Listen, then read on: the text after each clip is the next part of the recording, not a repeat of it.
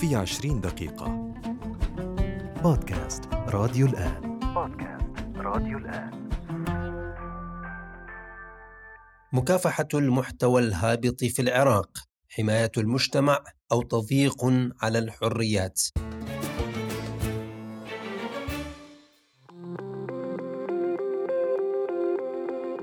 مع انشغال العراقيين بأزمة الدولار وانخفاض قيمة الدينار العراقي وإطلاق سراح شخصيات متورطة بعمليات فساد وسرقة مليارات الدولارات من خزينة الدولة العراقية أثارت حملة السلطات الرسمية بمكافحة صناع المحتوى الهابط ردودا كثيرة داخل الشارع العراقي بالتزامن مع صدور العديد من أوامر القبض والأحكام القضائية بحق الكثير من صناع المحتوى وسرعة اعتقالهم ومحاكمتهم. بعدما أعلنت السلطات الأمنية العراقية عن وضع مواقع التواصل الاجتماعي تحت رقابة لجنة أمنية خاصة لرصد المحتويات الهابطة وملاحقة صانعيها ومحاسبة قانونية لمن يتورط بنشر هذا المحتوى. في ظل مخاوف من تحول الحملة إلى أداة للتضييق على الحريات السياسية والصحفية مستقبلا في ظل بيئة غير سليمة والغموض الذي يكتنف مفهوم المحتوى الهابط وإمكانية تفسيره بما يتوافق مع الأهداف والأهواء السياسية. مرحبا بكم في حلقة جديدة من بودكاست في عشرين دقيقة نتحدث فيها عن حملة السلطات العراقية على المحتوى الهابط والمخاوف من تحوله إلى وسيلة لتهديد الحريات والتضييق عليها. أعلنت وزارة الداخلية العراقية في يناير الماضي عن تشكيل لجنة لرصد المحتويات البذيئة والهابطة على مواقع التواصل الاجتماعي التي يسيء بعضها للذوق العام ويخالف الأخلاق والتقاليد في المجتمع العراقي بحسب التعبير الرسمي. مع إنشاء منصة ليتمكن المواطنون من الإبلاغ عن المنشورات التي تدخل ضمن هذا التوصيف كما حكمت محكمة عراقية على صاحب محتوى بالسجن لعامين وعلى ناشطة أخرى على مواقع التواصل الاجتماعي بالحبس لمدة ستة أشهر. ووفقا للبيان فإن الحكم جاء بسبب قيامهما بنشر عدة أفلام وفيديوهات تتضمن اقوالا فاحشة ومخلة بالحياء والآداب العامة وعرضها على الجمهور عبر مواقع التواصل الاجتماعي.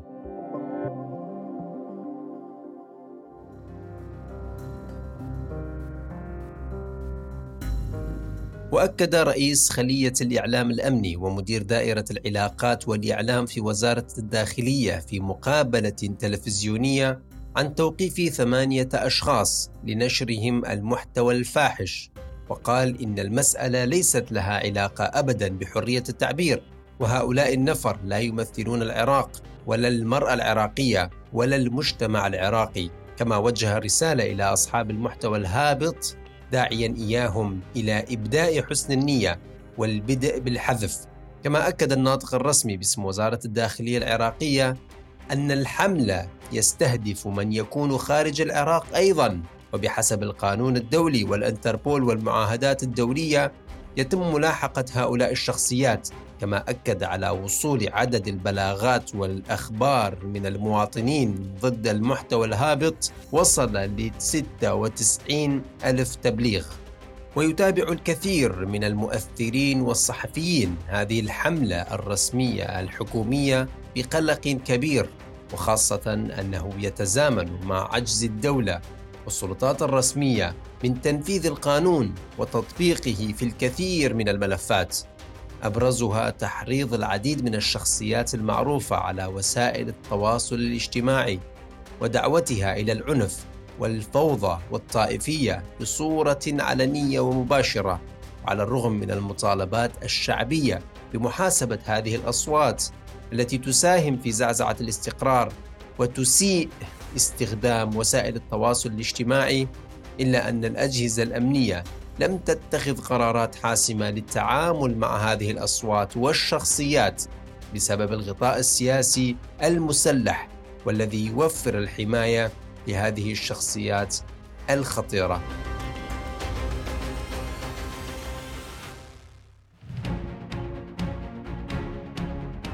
وفي محاولة لطمأنة المواطنين بعد زيادة القلق من مستقبل هذه الحملة بعث مستشار الأمن القومي العراقي قاسم الأعرجي رسالة اطمئنان إلى الصحفيين أكد فيها أنه لا يوجد تعسف أو استهداف لشريحة الصحفيين أو الإعلاميين إنما حملة المحتوى الهابط تستهدف بعض الأشخاص الذين أساءوا استخدام مواقع التواصل الاجتماعي وأساءوا للشعب العراقي والصحفيون والإعلاميون محل تقدير واحترام بينما كل من يعمل على زعزعة أمن واستقرار العراق وإشاعة الفوضى سيكون هو المستهدف وهذه المجاميع الصغيرة التي تنشر وتروج المحتوى الهابط تريد أن تحصل على مكسب وشهرة إعلامية على حساب الشعب العراقي عبر استخدام المحتوى الهابط بحسب تعبيره. ويبدو واضحا من خلال الاستجابة السريعة لوزارة الداخلية مع هذه الحملة وسهولة الوصول إلى الشخصيات المستهدفة أن أجهزة الدولة قادرة على تطبيق القانون وملاحقة المجرمين في حال أرادت تنفيذ القانون بصورة عادلة بعيدا عن الازدواجية.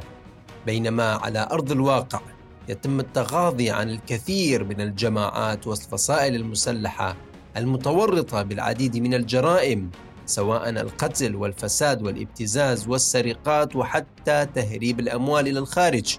وتعمل هذه الأجهزة على إظهار قوتها وسطوتها من خلال هذه الحملات التي تحظى باهتمام إعلامي واسع بهدف إعطاء رسالة للمجتمع بأن الدولة قوية وقادرة على حماية الجميع. بينما المواطن يتساءل عن جدوى هذه القرارات في ظل ترك الفساد السياسي والمحاصصة والمشاكل الأخرى التي أدت إلى وجود بيئة حاضنة ومشجعة لأصحاب المحتوى الهابط والبعيد عن الذوق العام.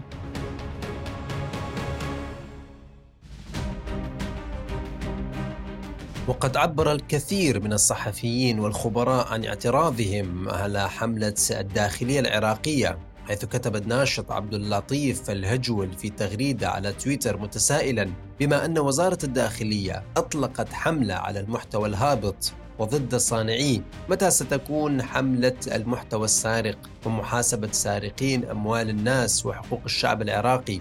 ومتى ستكون هناك حملة المحتوى القاتل ومحاسبة من قتل العراقيين وأسال دماءهم في الشوارع؟ أم ستطلقون بعدها حملة تكميم الأفواه وإسكات صوت الناس؟ وبخصوص هذا الموضوع أيضا نتحدث مع صاحب التغريدة الناشط والإعلامي العراقي عبد اللطيف الهجول ونسأله أولا كيف ترى حملة مكافحة المحتوى الهابط وتوقيته في ظل وجود أزمات مالية واقتصادية وقضايا أكثر أهمية تحتاج إلى تركيز الدولة ومتابعتها أكثر من هذه القضية؟ دعونا نتحدث عن عن عن الحملة وهي التي أطلقتها وزارة الداخلية العراقية وهي حملة مكافحة المحتوى الهابط مثل ما يعني أطلقت عليها هذا المسمى.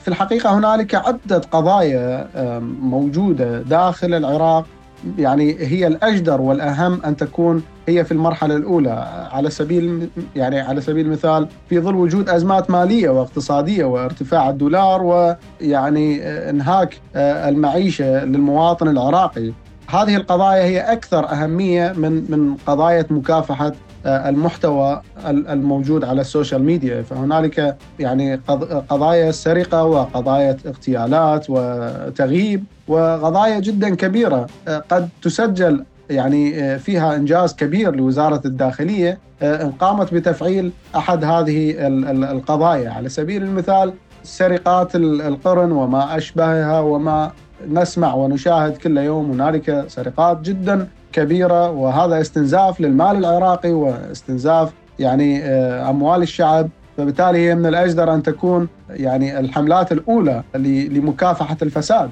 كان من الأجدر أن تكون الحملات الأولى لملاحقة المجرمين ومن قتل المتظاهرين ومن يقتل في الشعب العراقي ويسفك الدماء في الشوارع كل يوم. فهذه الحملات هي الأجدر والأولى أن تكون هي الأولى. أما المحتوى الهابط فالقضية قضية المحتوى الهابط مشتركة بين الأهل وصانع المحتوى والدولة.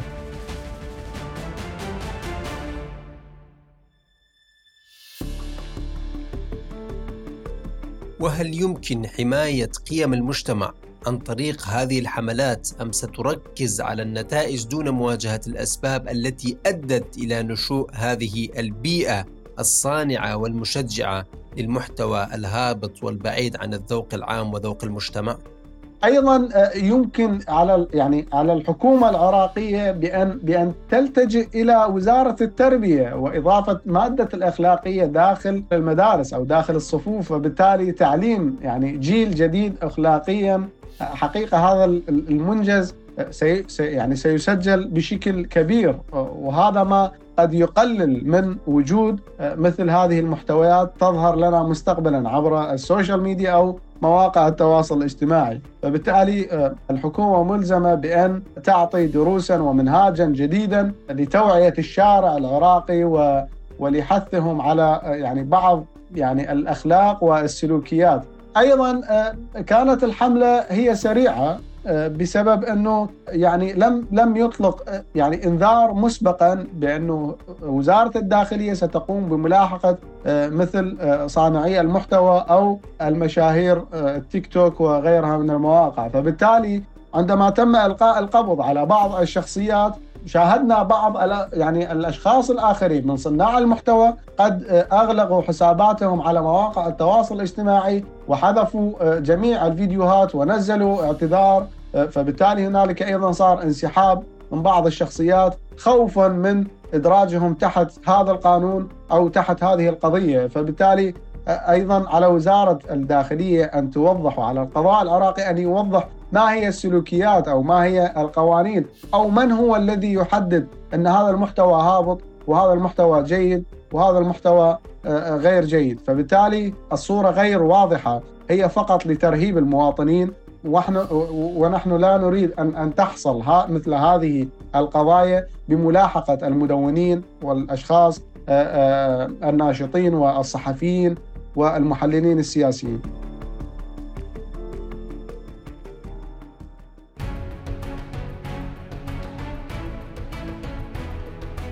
وأخيرا هل هناك مخاوف حقيقية من تحول الحملة إلى أداة للتضييق على الحريات مستقبلا وخاصة عن طريق استهداف المحتوى السياسي أيضا بحجة حماية قيم المجتمع؟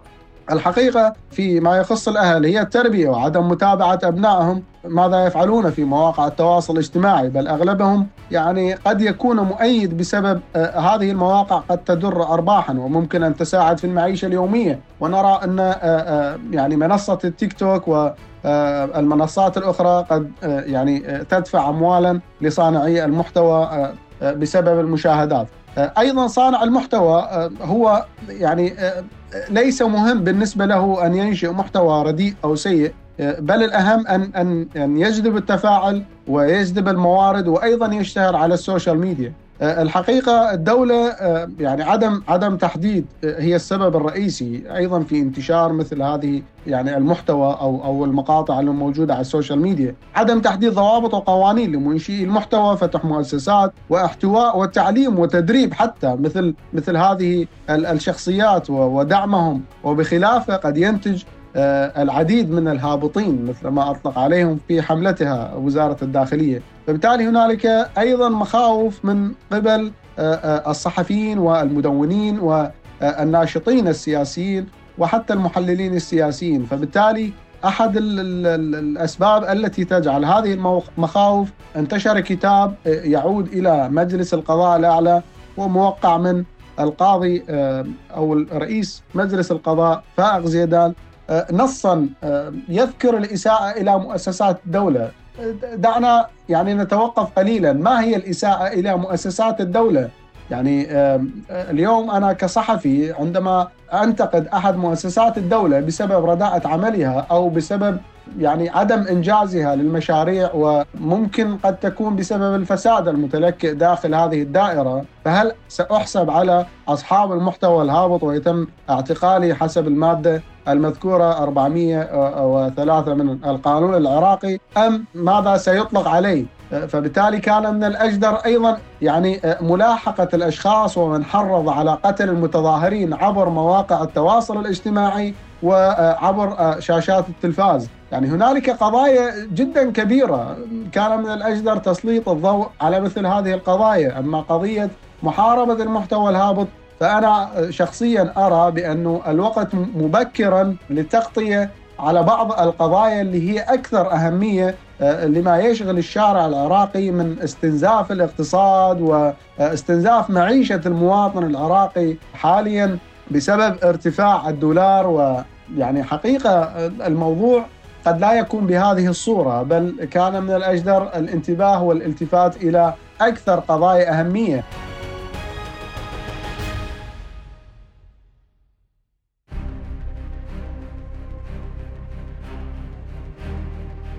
ويخشى الخبراء والمتابعين من أن غياب تعريف واضح للمحتوى الهابط والذوق العام والأمور التي تدخل ضمن المحاسبة القانونية. قد تفتح الباب أمام الجهات الأمنية لملاحقة ومحاسبة جميع صناع المحتوى وخاصة ذات الطابع السياسي بحجة حماية قيم المجتمع. وبخصوص هذا الأمر يقول الكاتب العراقي إياد عنبر في مقال لموقع الحرة أن مكافحة المحتوى الهابط وشخصياته تتجه نحو النتيجة وترك السبب الرئيس الذي يتمثل ببيئة الانحطاط السياسي وغياب النصوص القانونية التي تحدد المحتوى الهابط وأوصافه يمكن أن يثير المخاوف بشأن تمدد هذا العنوان مكافحة المحتوى الهابط إلى تقييد حرية النقد السياسي. وخاصة مع المخاوف من المزاجية السياسية التي تدخل في تحديد المحتوى الهابط واستغلال القانون لمنع نقد الأوضاع السياسية وشخصياتها الذي يبدأ بمعاقبة المحتوى الهابط ومن ثم يتطور ليشمل نقد الحكومة وشخصياتها وزعماء الأحزاب وشخصياتهم ليكون من ضمن المحتوى الهابط أيضاً. بينما يرى الباحث السياسي يحيى الكبيسي أن حملة مكافحة المحتوى الهابط هي حملة زائفة بالأساس بدأت لأهداف سياسية انتهازية كشفت عن أزمة وعي عميقة تجاه مبدأ حرية التعبير وتجاه فكرة القانون واحتكار المجال العام من خلال فرض متبينات وتحيزات فئات وجماعات وحتى أفراد على الآخرين عبر التلاعب بالقوانين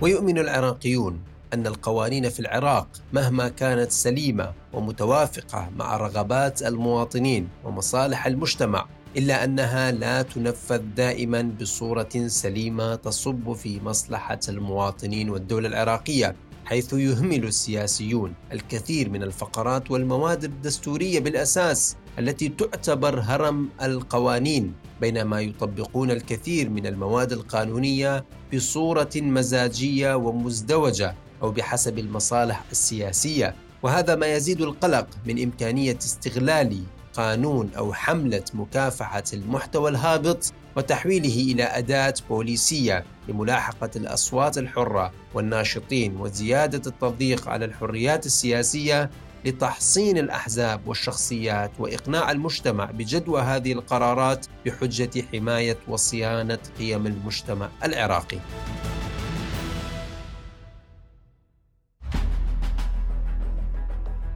إلى هنا ننتهي من حلقة هذا الأسبوع من بودكاست في 20 دقيقة تحدثنا فيها عن حملة السلطات العراقية لمكافحة المحتوى الهابط في العراق وهل هي تهدف لحماية المجتمع أو تضييق على الحريات السياسية وسوف تتحول إلى أداة بوليسية للتضييق على الحريات الشخصية؟ شكرا لكم لحسن الاستماع وإلى اللقاء في الحلقات القادمة